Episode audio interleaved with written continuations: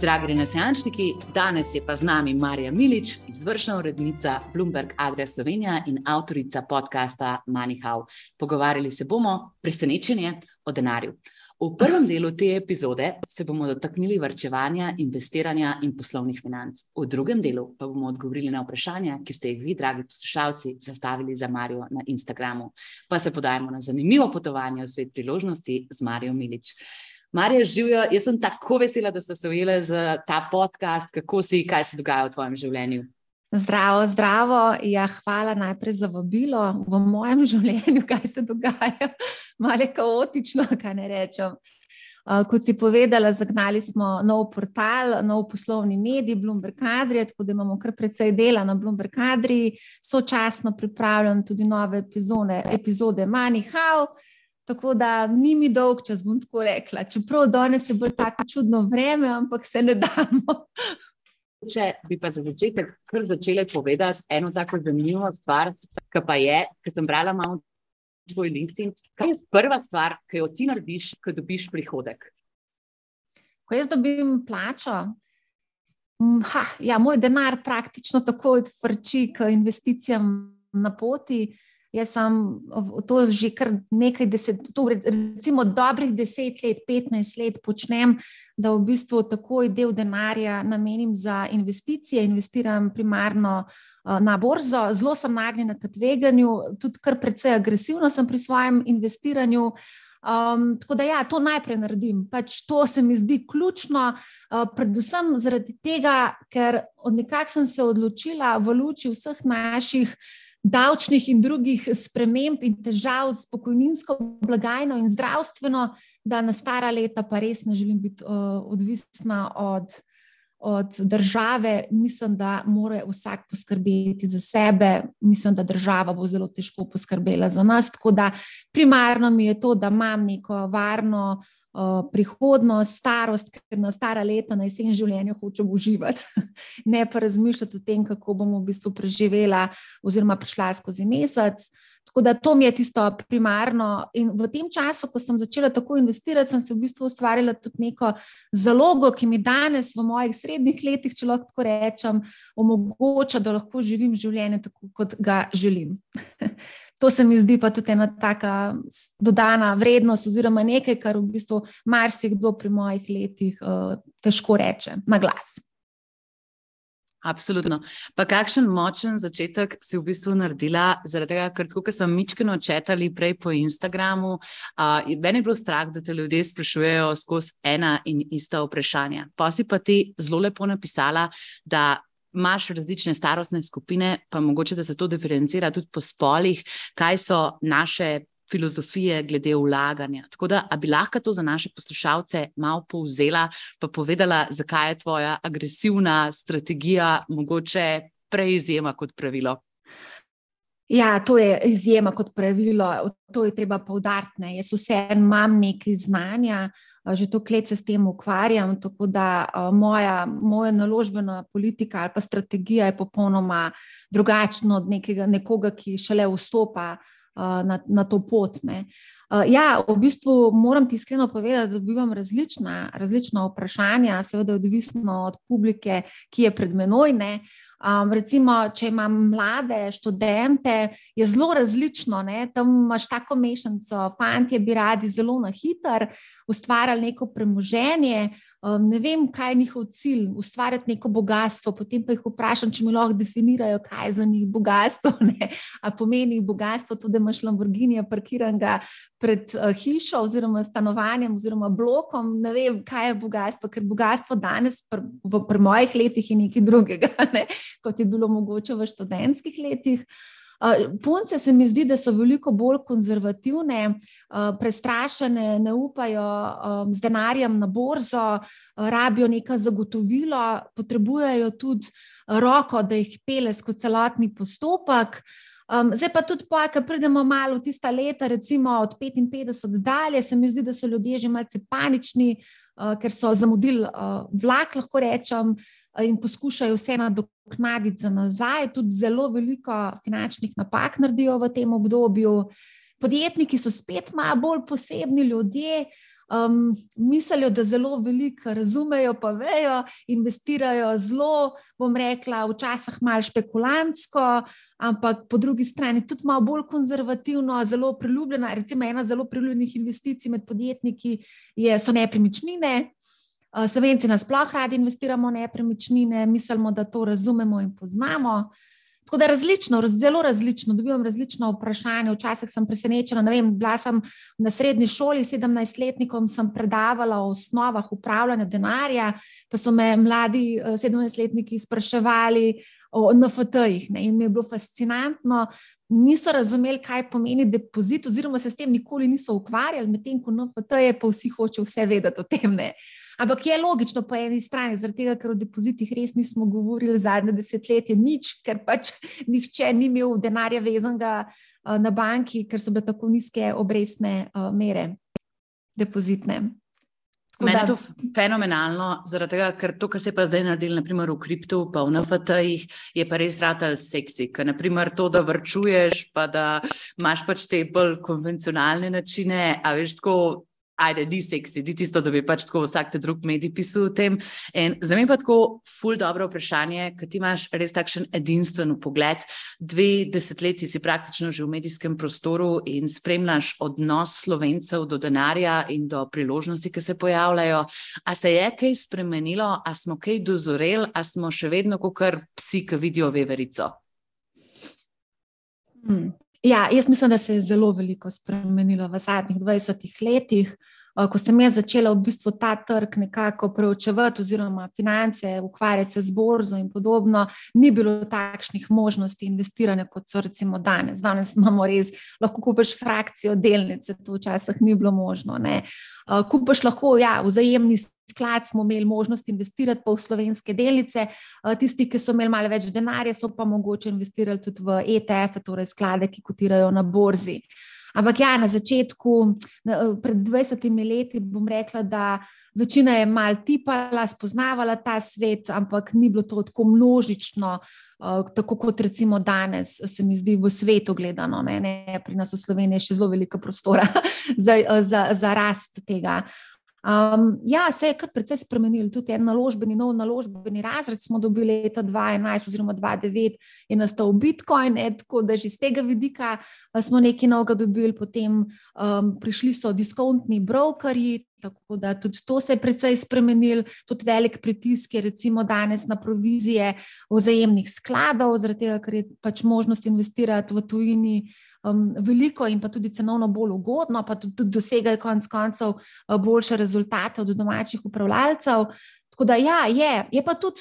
Nekako se mi pa zdi, da vseeno v našem mindsetu ostaja um, pač ta čredni nagon. Ne, to smo imeli že takrat, leta 2008, 2007, 2006, so masovno Slovenci investirali na Balkan. Vem, da so skočki denarja hodili v Bosno, zato da so lahko investirali. Stavali so v bistvu na eno regijo, bili so pohlepni, želeli so zelo hitro zaslužiti. Um, in tudi danes se dosti podobno dogaja.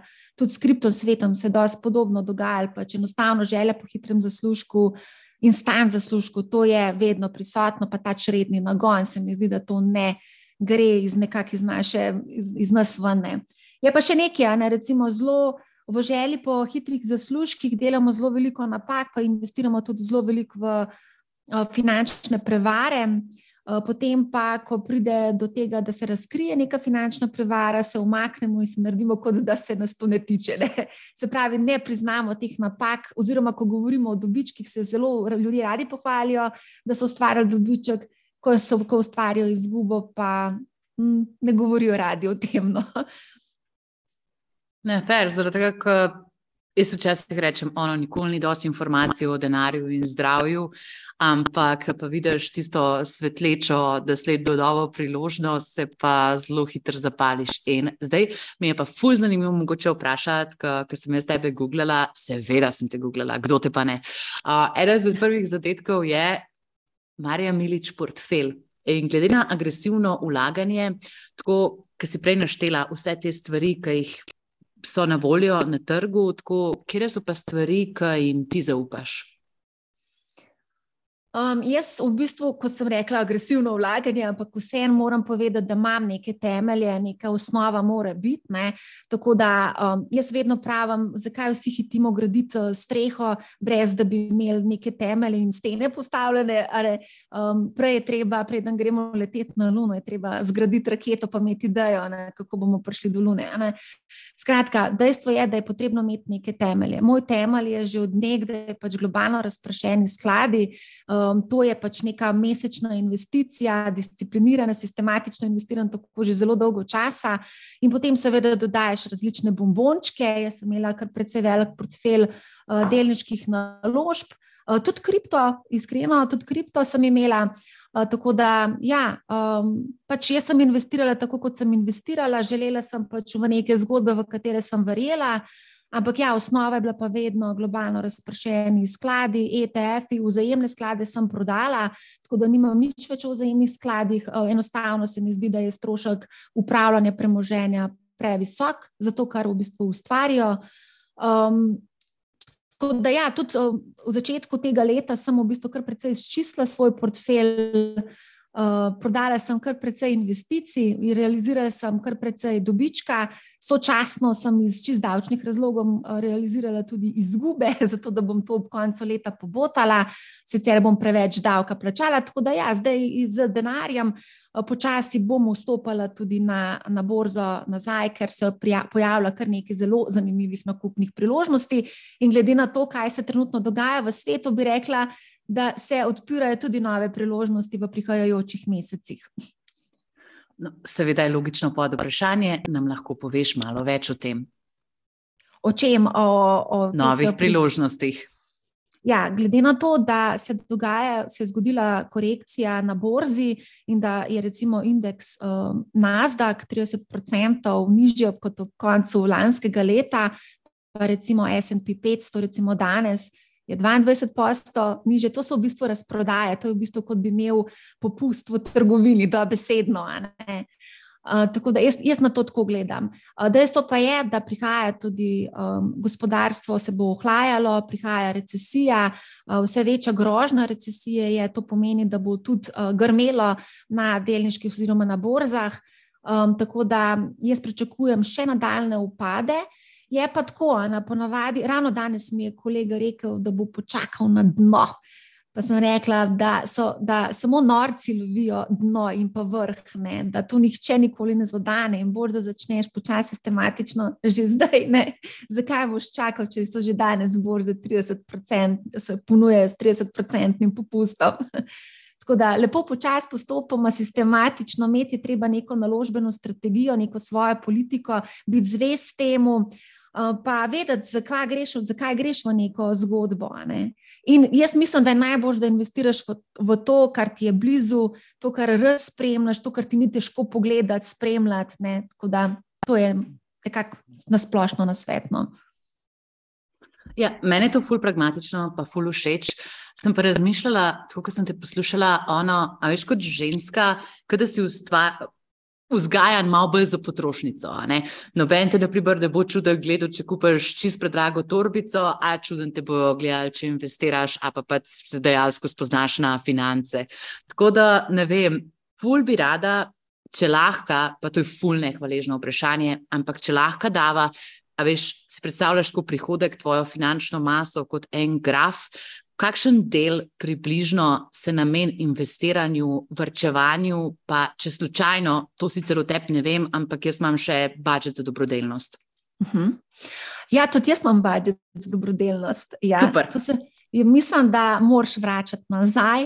Uh, ne, to se mi zdi ena tako lepa gesta. Mislim, da je to pač morebitno.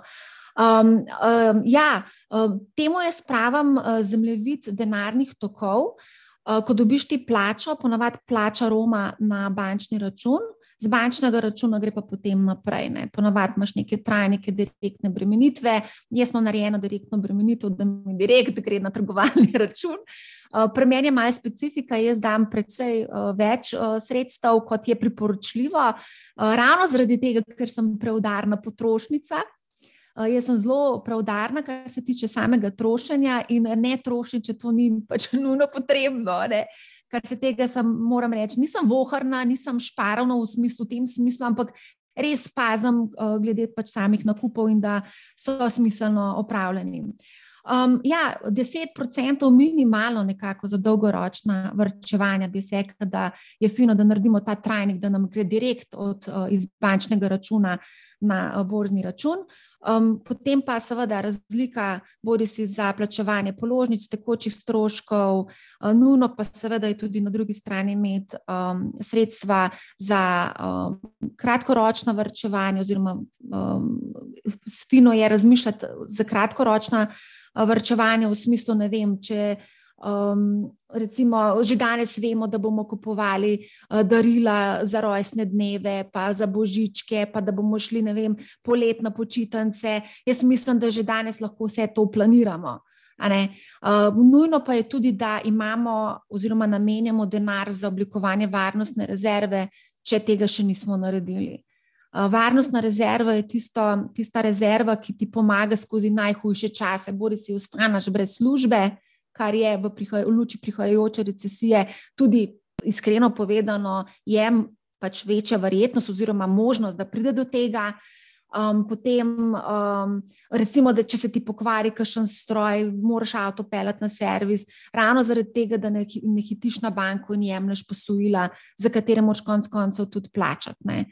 Um, tako da to je nekako tako, bi rekla, 10% minimalno za dolgoročna vrčevanja, vse ostalo pa potem razporedimo, glede na to, pač, kako bomo sami se odločili. Ne, meni je to tako dobro, ker si dala konkreten odgovor, pa Mičken že navezala, da mogoče to, kar se danes pogovarjamo, da čez eno leto ne bo več nujno resane. In tudi na LinkedIn-u sem prebrala ta tvoj status, ki ne vem, kakšen je bil sicer tvoj razmislek, primerjavi z tega, ampak ali naraščujoče cene dobrin in položnic in vsega, kar se draži, vplivajo na naše dolgoročnejše finančne cilje. In me fulj zanima. Za to novo obdobje, ki prihaja, kakšno finančno rezervo, emergency fund, bi ti priporočala, in pač, a tukaj le se kaj spremeni strategija budžetiranja, ki si jo oblikar opisala? Ja, glede na trenutno stanje, imamo pač povišeno inflacijo. Ne vem, kako bo s položnicami, zdaj septembra, oktober, ko bomo dobili prve položnice, bo marsikoga verjetno malo stisnilo. Jaz mislim, da je um, čas, da vseeno malce začnemo bolj podrobno spremljati svoje stroške. Bolj nadzirati svoje stroške, biti zelo preudaren pri trošenju um, in nekako optimizirati v bistvu svoje uh, nakupe. Um, jaz bi tudi mogoče še to upozorila, da ne vem, koliko ste kaj pozorni na to, ampak veliko slovencev zelo veliko hrane zmeče dobesedno v smeti, ker se jim pokvari doma. Tako da, dajte hoditi z nakupovalnimi listki v trgovino in pametno nakupovati hrano. Nek, mislim, da je bila neka statistika, ki je pokazala, da ne 500 evrov na letni ravni vržemo dobesedno v kanto za smeti. Tako da, mogoče to, um, mogoče tudi za razmisliti, um, glede recimo nekih naročnin, ki jih imamo sklenjene. Bodi se to na razne časopise, medije, na te ponudnike pretočnih vsebin, Spotify, Netflix in podobno, da tudi tukaj mečkaj mogoče optimiziramo, da preverimo, če je naš ponudnik telekomunikacij ali pa ne vem, ogrevanja eh, najbolj ugoden, elektrike ugoden eh, in potencialno tudi zamenjamo, če seveda je to možno za ugodnejšega. Um, to se mi zdi pomembno. Uh, kar se tiče samega vrčevanja, jaz mislim, da v času, ko govorimo o povišeni inflaciji, o višjih stroških, um, jaz mislim, da bo marsikdo se odpovedal dolgoročnemu vrčevanju. Uh, Jaz vsem bi tukaj spodbudila ljudi, da če že ne morejo, recimo, dati 100 evrov na stran, naj dajo pa vsaj 50, mogoče tudi optimizirajo to vrčevanje.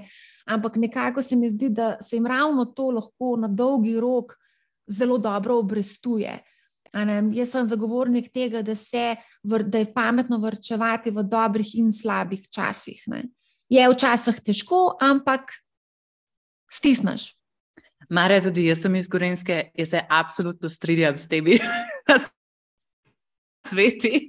Pa veš, kaj mi je sploh tisto, kar ste se mičkino ogrevali, ker ste se še pogovarjali za podcast, um, ki pa imaš na primer upravka z večjimi zneski, pa prvič, ki se ti to naredi, si pogosto neumen, no? pač tako, kar leti vse stran, ampak glih to budžetiranje in to, da mogoče te vsaka nova materialna dobrina ne ekstentno sreči, pač malo vidiš na dolgi rok, ker živiš. Um, je pa ful, ful, ful, ful zanimivo vprašanje. Kako pa ti budžetiraš? A imaš tu kakšno tabelo, a imaš kakšno aplikacijo, kako imaš ta pregled nad prilivi? Ja, jaz sem zelo, um, kar se tega tiče, digitalizirala vse, kar se je možno digitalizirati, da v bistvu vse delam s svojim telefonom. Um, ja, uporabljam aplikacijo Tošel, sicer je ta verzija plačljiva verzija, uh, ki ti v bistvu nekako poveže vse račune in vse skupaj potem lahko spremljaš. Um, uh, tako da to je ena taka bližnjica, lahko bi delal tudi v Excelu če si za dost discipliniran, da boš upisoval. Opazila sem, da marsikdo mogoče kakšen teden vestno opisuje, potem pa v bistvu kar mal pozablja in na koncu nimaš v, bistvu v celoti tak pregled narejen, kot bi ga mogel imeti. Obstaja v bistvu res zelo veliko aplikacij, tudi ena aplikacija, Nov Prince je, Uh, tudi um, slovenski startup je to naredil, tako kot Tošal. Um, je tako zanimiva aplikacija, kjer v bistvu lahko shranjuješ digitalno tudi račune, uh, pa vse nakupe, nekako se ti beleži, tako da tudi to je ena taka bližnjica do recimo tega uh, spremljanja teh stroškov. Um, tako da ja, To je v bistvu to. Tako da približanje, po mojem, je fajn vedeti, koliko denarja zapraviš za hrano, pa za druge zadeve, tako da lahko potem mogoče najdeš tiste potratne že in nekako optimiziraš pol to. Ja. Jaz bi vsakmu svetovala, če sem čisto iskrena, da poskuša mogoče kakšne tri mesece voditi uh, te uh, statistiko stroškov, oziroma da vodi svoje stroške, da točno ve, kam denar odhaja. In um, tako v bistvu nekako spoznaš, kaj te nekako stimulira k nakupu, in potem s časom ozavestiš vse nakupe in se vprašaš v trgovini, ali jaz to res rabim. Včasih se mi zdi, da gremo v trgovino, kar malo tako hodimo okrog po trgovini, da bi bila malo zgubljena, ker se vedno sprašujem, pa se tega ne rabim, in pa ne sem nazaj. Mal čudna taktika, ampak ja, vedno, vedno, jaz vedno zelo tako zavestno kupujem uh, stvari v trgovini. Nekaj ima vsak evro več tako svojo misijo. In klej pa meni ful pomemben še ta psihološki del odnosa do denarja, zaradi tega, ker klej pa vsak pride po moje iz otroštva s full baggage. Pač s full enih predlage, ali si pač tako razsipan, ali si sploh ne nič ne prvoščeš in si pač tako povrekli te poskupuški, da zalogo si sploh ne pustiš uživati v življenju, ali pač imaš neke take slepe pege v svoji potrošnji, da sploh ne veš, kam denar gre, da tega ne moreš ozavestiti in tukaj budgeting sigurno pomaga. Ampak tako, no. Vse imaš največjo finančno skupnost v Sloveniji, vsaj tisti, ki so se samo identificirali, da jih ta tema zanima. Um, kje te felasi oziroma te slepe pege, te napake v razmišljanju, poleg lahko miselnosti, je treba še sam pri sebi opaziti, pa biti pozoren na njih, ki ti onemogočajo, pa rekle temu za pomankanje boljše besede, srečno življenje. O, to je kar velik tega. Se mi zdi, da največja ovira pri nas je, da v bistvu se ne želimo ukvarjati s svojim denarjem. Um, ne vem, zdi se, kot da ljudje se temu upirajo, težko je, ne da se, ne morem, išče vse kup izgovorov, zakaj ne bi v bistvu se tega lotil. Um, nekako tudi spoh ženske prenašajo to odgovornost na svoje partnerje, ker mislijo, da bo pa on boljše upravljal s, tvojim denarjem, uh, kar je čist, po mojem mnenju, zgrešena logika.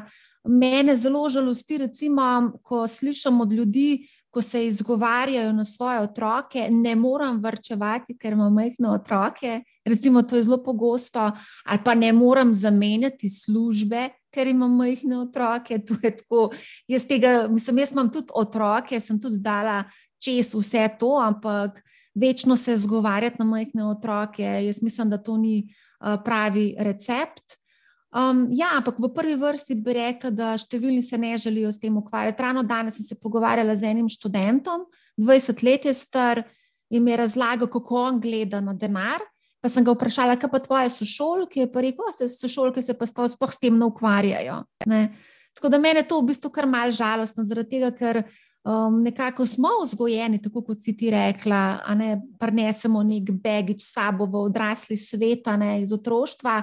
In ja, v bistvu uh, punce nekako se uči. Igranja z punčkam, medtem ko fanti se igrajo, pa gradijo gradove z bagri in z lopatami, ne vem kaj. Ne? Tako da to se mi zdi, da nekako prihaja iz otroštva in je žal, da, da se v bistvu nekako vzgaja ženske v neke risk menedžerke, če lahko temu tako rečem. Vsako tveganje je treba fulzanalizirati in potem Bog pomaga, ne smešiti v neko zgodbo, brez da bi uh, tvegal, preveč tvegal, oziroma če ne tvegaš, ne profitiraš tudi konc koncev. Um, Medtem ko fanti so veliko bolj pogumni, skočijo, brez da bi razmišljali, pa tudi ta želja po hitrem bogatenju, kaj pa boš potem počel, ne, kaj pa so tvoji cilji, kaj pa je sploh za te bogatstvo. To se jaz vedno sprašujem, ko se pogovarjam z mladimi. Ja, veliko je tega, teh izgovorov. No. Ne, mene pa fulj zanimivo to, kar si na zadnje rekla, zaradi tega, ker glih zadnjič pač tako v podjetništvu, veš, ki si lahko malo svoj urnik prilagajaš, pa sem šla ob dveh popovdne s psi ven, ker je bilo pač super vreme. Pa sem prav razmišljala, wow, ko si pa milijonar, pa se lahko sprehajaš ob dveh popovdne zunaj s psi. Ampak pol takoj naslednja misel je bila, ampak tudi če si brez posla. Tako da, ja, ta definicija sreče mi je bila tako, tako, tako, tako, tako. A veš, včasih so čisto enostavne stvari, včasih je samo ta občutek svobode. Pač to, da nisi prisiljen delati nekaj, kar ti pač nikula. Um, tako da, ja, klele, ne vem, če imaš komentar ali se bova sam nasmejale te anekdoti, ampak ja, prav takšen wow moment sem imela na tem področju. Meni se zdi, da si kar imela zelo zanimiv wow moment. Ne? In ja, vse mogoče ni potrebno veliko denarja, zato da si srečen in svoboda, da je pod črto. Dobro, zdaj, če si brez posla, imaš verjetno cel kup nekih skrbi, ne? ampak vseeno se mi zdi, da mogoče ravno ta kriptosvet se mi zdi, da je vse skupaj mal popačo, ne? ustvarjajo neke hipne, instantne milijonarje. In zdaj je nek tak prešar na teh mladih, da morajo ustvariti zelo na hiter um, premoženje, bogatstvo. Ampak kaj je to bogatstvo? Jaz tega sploh ne razumem. Recimo, ko si mal v letih, je bogatstvo nekaj drugega, kot pa recimo, ko si 20 let, a pa mogoče, ko si 60 let, spet drugače razumeš bogatstvo. Ne, to, ta definicija bogatstva se mi zdi, da se skozi naše življenjsko obdobje precej spreminja. Kaj pa ti misliš? Lej, meni In tudi zdaj, trenutno ni lepša agent, kot da gremo ob dveh popoldne s svojimi psi, ali pač tole stane evra. Ampak ja, da pa po mojem prideš na to, me pa gleda ena moja mentoriranka, no, ki smo se pogovarjali, pač včasih, veš, kaj so se v bistvu pogovarjali, ful je bilo zanimivo, ker um, jaz včasih nisem imela tako nobenih problemov delati z online stavnicami, pa, pa s takimi zadevami, ki bi se zdele mnogo kateremu mogoče mal tako na meji dobrega okusa, ampak jaz sem tisto, lej, kdo sem jaz, da sodim ljudi, kam dajo odnar. Pač to je njihova svobodna izbira, pač tako, to je ena taka stvar, ki mene trenutno ne obremenjuje preveč. Zdaj sem pa začela biti full petična do tega, da hočem podpirati samo biznise, ki delajo dobro za družbo, po moji skromni presoji. In sem razvila ene take kriterije, ki jih v bistvu pred dvema letoma sploh še nisem imela. Pač, a ta podjetja puščajo boljši svet, kakšen imajo oblični vtis, tako, a ustvarjajo priložnosti za ljudi, ki so teže zaposljive. Tako, če se mi je vrednostni sistem obrnil. Pa jaz ne vem, ali je se pač kakšen planet premaknil v drugo hišo, ali se je pač moja hierarhija potreb spremenila. Ne znam si komentirati tega, sam točno tako se počutim. Ja. Ja, mogoče si pa zadovoljna s svojim življenjem in zdaj želiš, ne vem, po moje, po moje želiš zdaj pač tudi malo spremeniti sama svet, pa pomagati tem podjetnikom, ki spremenjajo svet.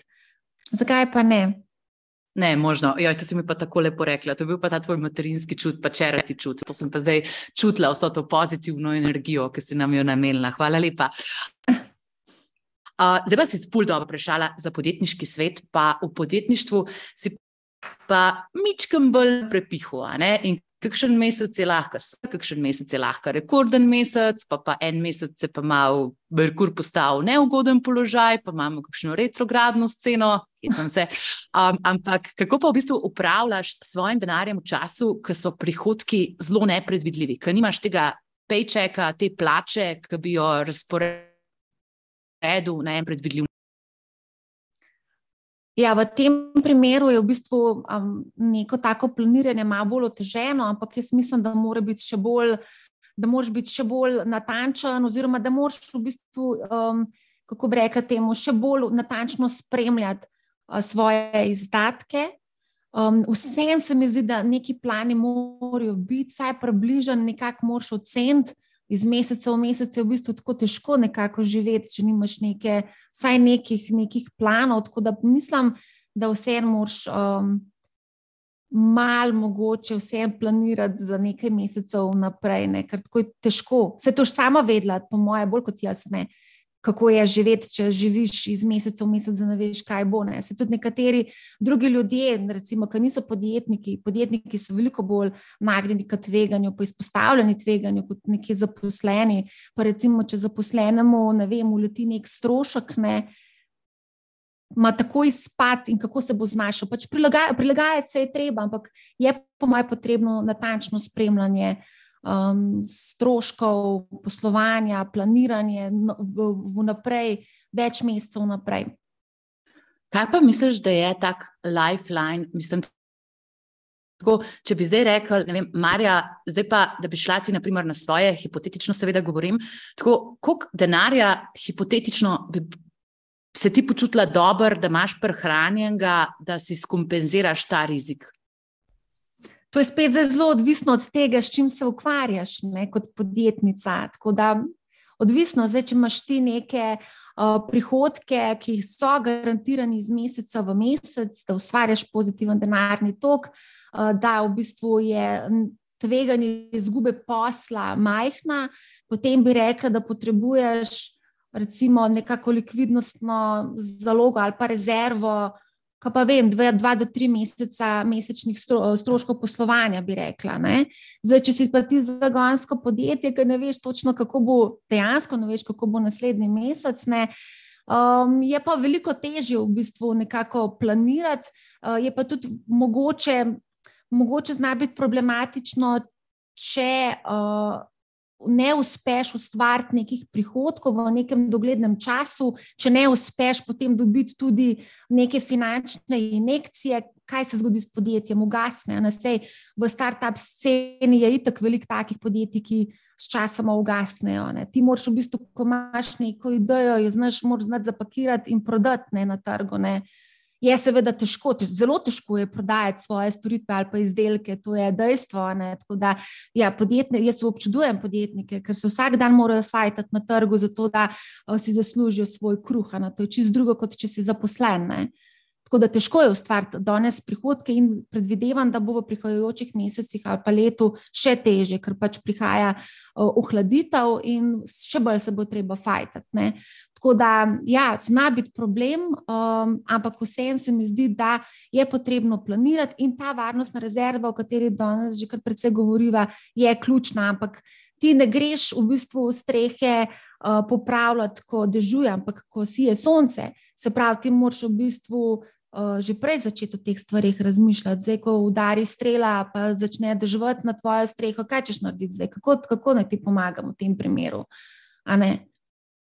Ne, jaz obožujem to misel, ful mi je, si mi dobro to povedala. Pač tako, moj čez prst je, da za nas, ki smo mičkim bolj konzervativčki, da je pol leta idealno, da pač tako, če ti narediš enega prihodka v pol leta, pol ne smeš obstajati. To je darvinističen način pogleda na to. Ampak um, ne, mi je pa ful, ful, ful, ful pomembno, zdaj, če se pripravlja gospodarsko uhlajanje, da zdaj le stisniti. Pač tako na koncu, a veš, tista podjetja, ki bodo imela denar ali za vlaganje, ali pač za, mislim, ne bom rekla, da bomo kupovali druge firme, ampak sam tako, da včasih še celo obdržimo dober talent na svojih podjetjih, to mi je zdaj le. Prva prioriteta v biznisu, ono, mej cash na računu, tok, da si confident, da naslednji mesec ne razmišljaš, kako boš imel pržgane luči. Ja, res je.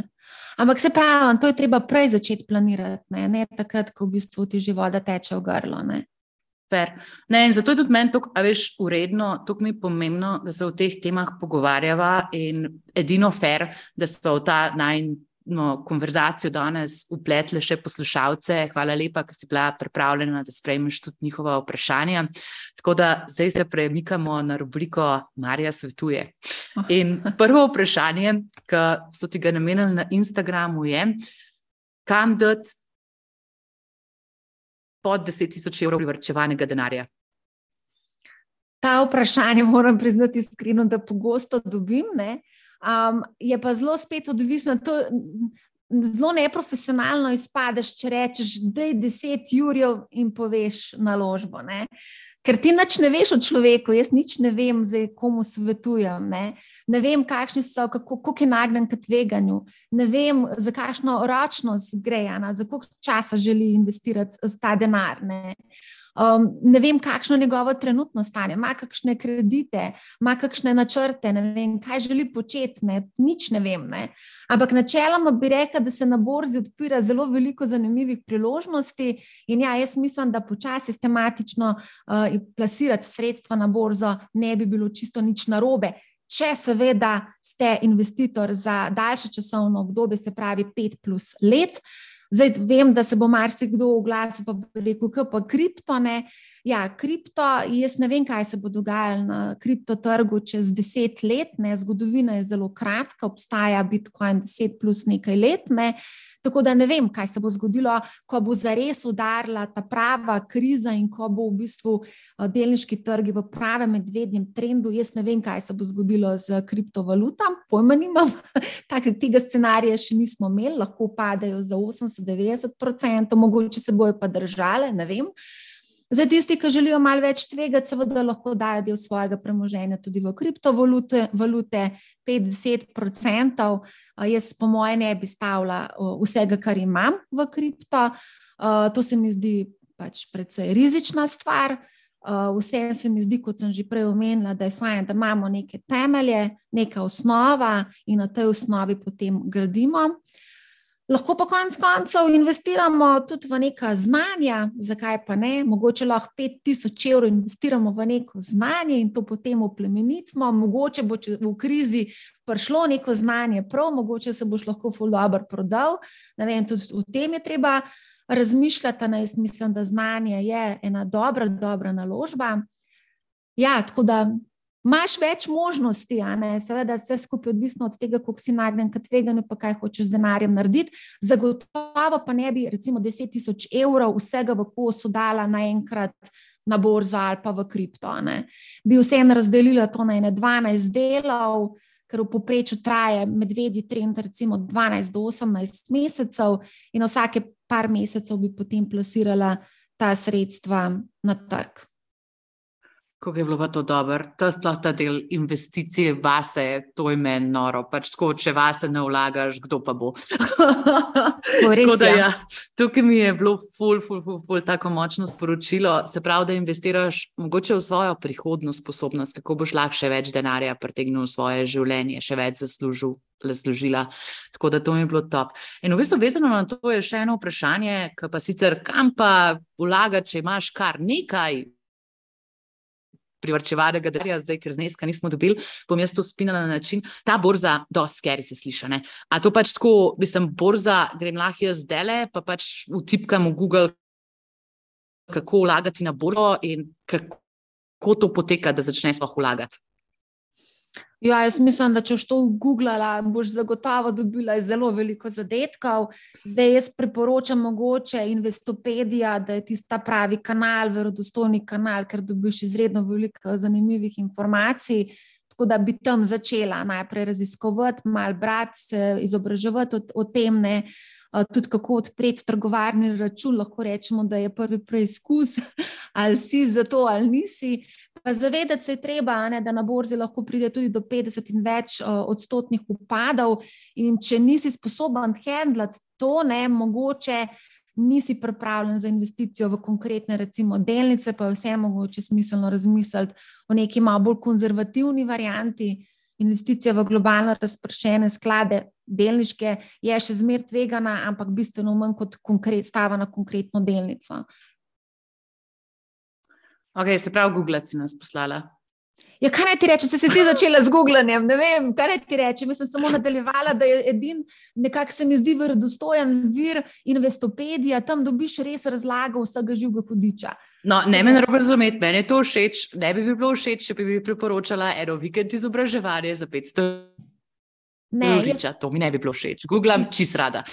Iskreno ti bom povedala, Manihau je prav nastal z namenom, zaradi tega, da, bi, da bi se naučil sam investirati in da v bistvu ne bi plačeval ogromno denarja za nekaj izobraževanja, ker pač ne bi bilo to tono. Jaz mislim, da, mislim, da je Egon Zakrajšek, nedajni centralni uh, bankir iz uh, Amerike, iz Feda, je rekel, da še manjki zna investirati v SP 500.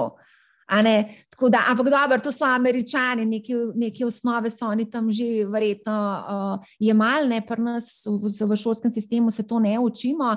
Ampak vseeno, jaz mislim, da prav veliko um, nekaj časa je potrebno investirati in potem vsak lahko investira v globalno razpršene ali pa SP 500 ali pa Nasdaq ETF uh, preko borznega brokerja. No, vrhunsko. Jaz ko me čakam, da se to naučim, borznih investicij res še nimam, ampak mislim, da si me zdaj s svojim pozitivnim zgledom itak čist napalila, tako da ta tvoja misija Manihau definitivno deluje.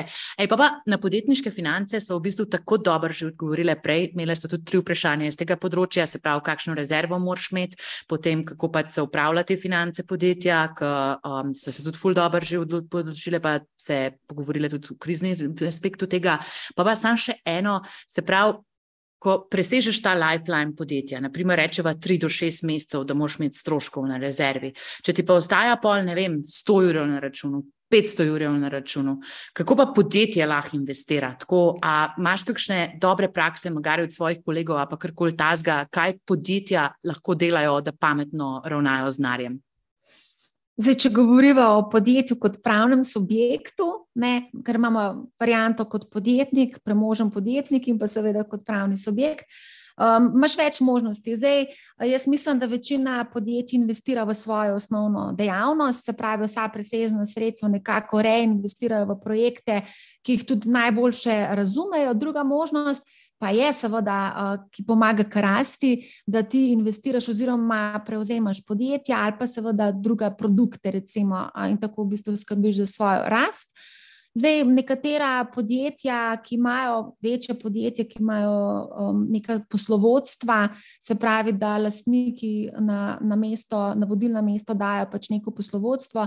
In če poslovodstvo nima res nobene ideje, kaj z denarjem, ne, kar se redko zgodi, verjetno.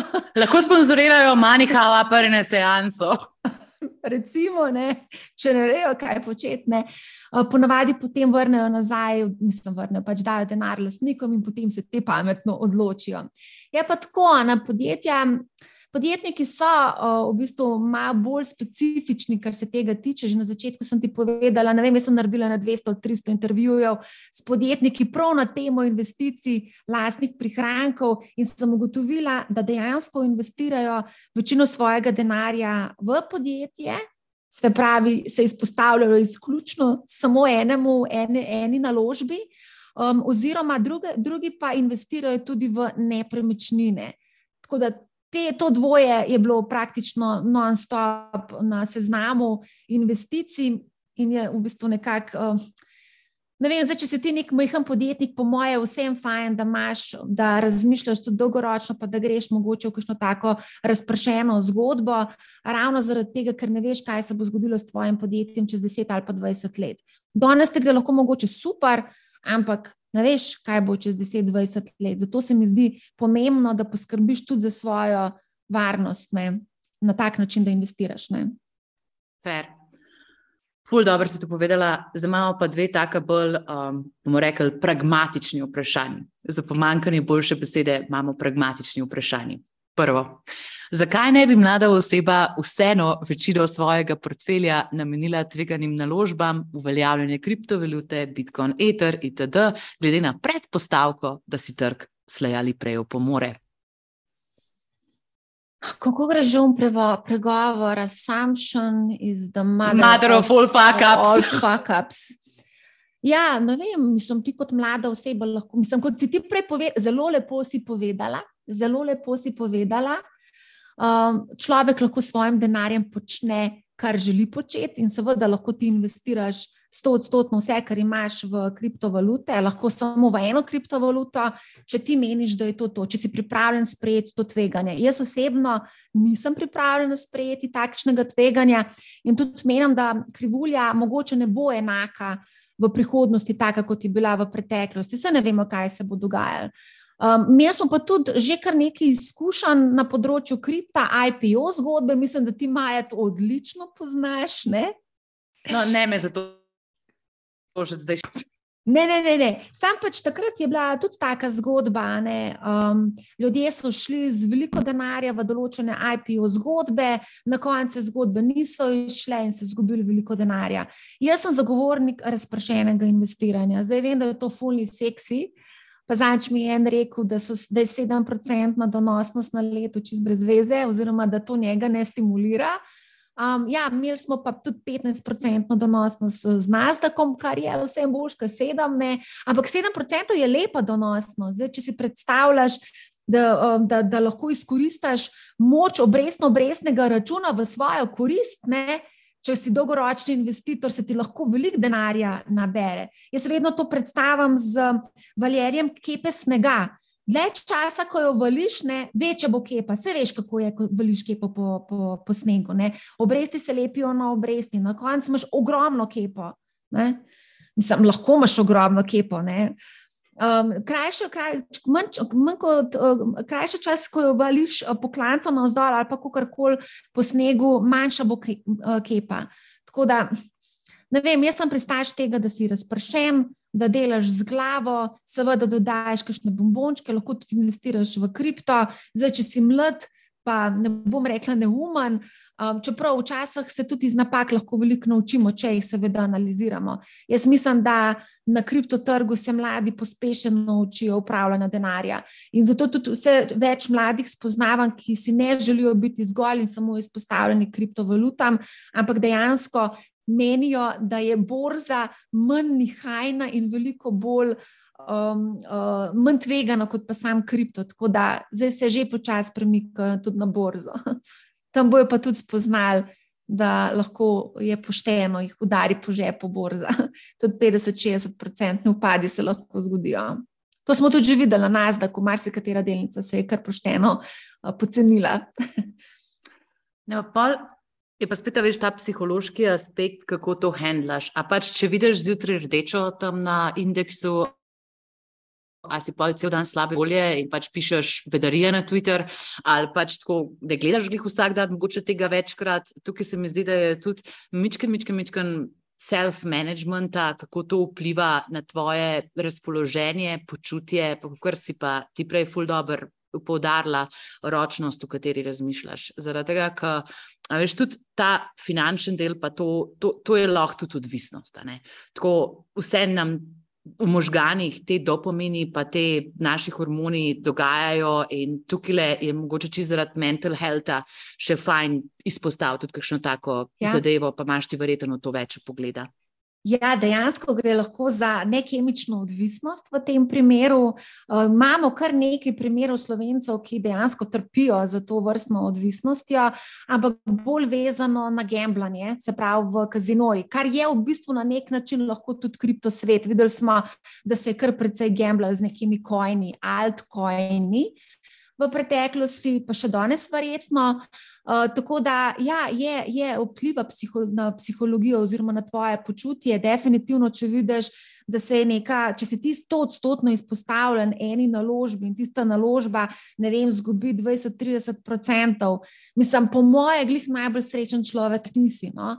Uh, te, te vseeno stisne. Ravno zaradi tega, kljub temu, da ni seksi, pravim razpršenost. Ker v primeru, recimo, da ti da neka, neka delnica, neko podjetje v tej košarici ugasne, imaš ti še zmeraj, ne vem, če imaš 100, 100 teh podjetij v košarici, jih 99 živi. In nisi tako odvisen od ene same investicije. Tako da jaz predlagam vsem, Je pa tudi res, ne moram prav povedati, zdaj, ko govorimo o pač tem stanju, o počutju. Kolega, ki je bil full investiran v kripto, je rekel, da ravno zaradi visokih stav je začel trpeti za insomnijo in um, bolečine v želodcu. Je moja druga kolegica doživljala, ni enostavno, je zbolela na želodcu, tako da to se dogaja, dejansko fizično začnejo um, trpeti lahko, če so stave previsoke. Uf, za dve modrosti imamo, ne vseh jajc v isto košaro, pa tvegaš to, kar si pripravljen izgubiti. Ja. A zašla spet preveč konzervativno. Ampak naslednje vprašanje pa ni konzervativno. Zakaj pa ne bi mi investirali kar v srebro? Zakaj pa, bi zakaj pa bi investirali v srebro? Tudi to moramo vedeti, zakaj ne. Ja, zdaj je srebro neka spet vroča zgodba, um, mogoče zaradi tega, ker je malo bolj potlačen kot zlato. Um, tudi sama srebro je, industrijska uporaba je večja. To, tako da mogoče z tega vidika, ravno sem se pogovarjala, mislim, da je 14 dni nazaj z Jim Rogersom, on je stručko za uh, investiranje v trge v razvoju, pa tudi zlato in srebro, oziroma plemenite kovine. In je tudi on rekel, da ga trenutno bolj zanima, oziroma vleče srebro kot zlato.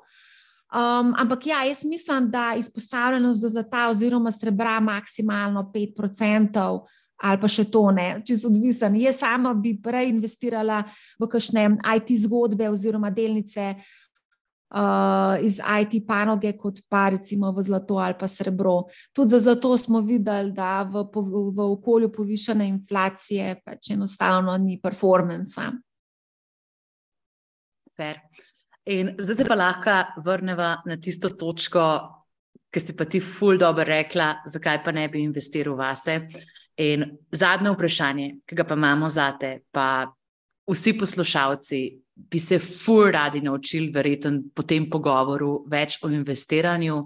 Kaj bi jim ti svetovala, kateri so zaupanja uredni, varni, pa bomo rekli, manageable koraki v svet investiranja, zato da nisi overwhelmed, a pa stupid. Prvi korak, po mojem, je, da začneš se malo bolj aktivno zanimati za te stvari, uh, začneš malo brati, spremljati. Uh, veliko je brezplačno na voljo vsebine. Uh, Investopedija je zakladnica, Biblija, lahko rečemo, uh, investiranja. Tam dobiš res ogromno informacij, tudi korake, kako začeti s tem. Ne. Tudi konec koncev, Manihau je brezplačen, se ga da pač poslušati, brez da bi e, en evro investiral. Pri, pri meni ni nobenih oglasov, je v bistvu zelo neodvisno pripravljeno. Mislim, da kot novinarka, ki sem, ko sem spremljala zadnjih 15 oziroma 20 let ta trg, mislim, da sem se zelo veliko naučila, komu zaupati, pa komu ne zaupati, pa kako v bistvu biti zelo pazljiv pri raznih posrednikih. Tako da tle treba pač biti zelo uh, previden, in ravno uh, znanje je tisto, ki ti lahko pomaga uh, pri tem, da se v bistvu ne pustiš. Jaz smo kar direkt po domač povedan, povedala na teganc. Če kdo ve, kako te okrog preneste, pač zagotovo ve, kakšen finančni strokovnjak, strokovnjak v navednicah. Pri nas nimamo neodvisnih uh, finančnih uh, svetovalcev, um, so zastopniki, delajo za razne zavarovalnice in pa za razne družbe za upravljanje. Tako da tukaj treba imeti tudi to v mislih, in vsakič, ko greš, če greš komu po nasvet, ga je treba vprašati, če prejema provizijo za. To mora biti transparentno predstavljeno, če prejema provizijo tudi od kakšne družbe za upravljanje ali pa od prodajalca kakršnih koli finančnih produktov. Tako da jaz mislim, da je treba biti tle zelo previden. Ne, in tukaj na tem mestu še enkrat zahvala, ker si neka zvezda, severnica področja, o katerem večina ljudi, ki so univerzitetno, magistrsko, doktorsko izobraženi, ne ve skoraj da nič, ker ga niti v osnovni šoli niso imeli. Tako da, lej, hvala, ker deliš ta svoja znanja, prepričanja, spoznanja, dobre prakse, pa tudi lekcije, ki si se jih naučila na tej poti širšo javnostjo zihar del fantastične spremembe, ki se dogajajo v družbi, in mi te bomo z veseljem sledili naredili še naprej. Za enkrat hvala, da si bila gostja na podkastu in seveda vsem, ki so naj jo danes poslušali. Hvala. Še kaj povem za konec? Komu poveš, še kaj za konec, izvoli? Ne, zahvalila bi se ti za vabilo še enkrat, pa hvala za odlično vprašanje. Hvala tudi vsem tvojim uh, sledilcem na Instagramu, ki so poslali zelo zanimiva vprašanja. Tako da še enkrat hvala, pa želim vam še naprej lep dan, večer ali karkoli že dobro jutro, vse vse.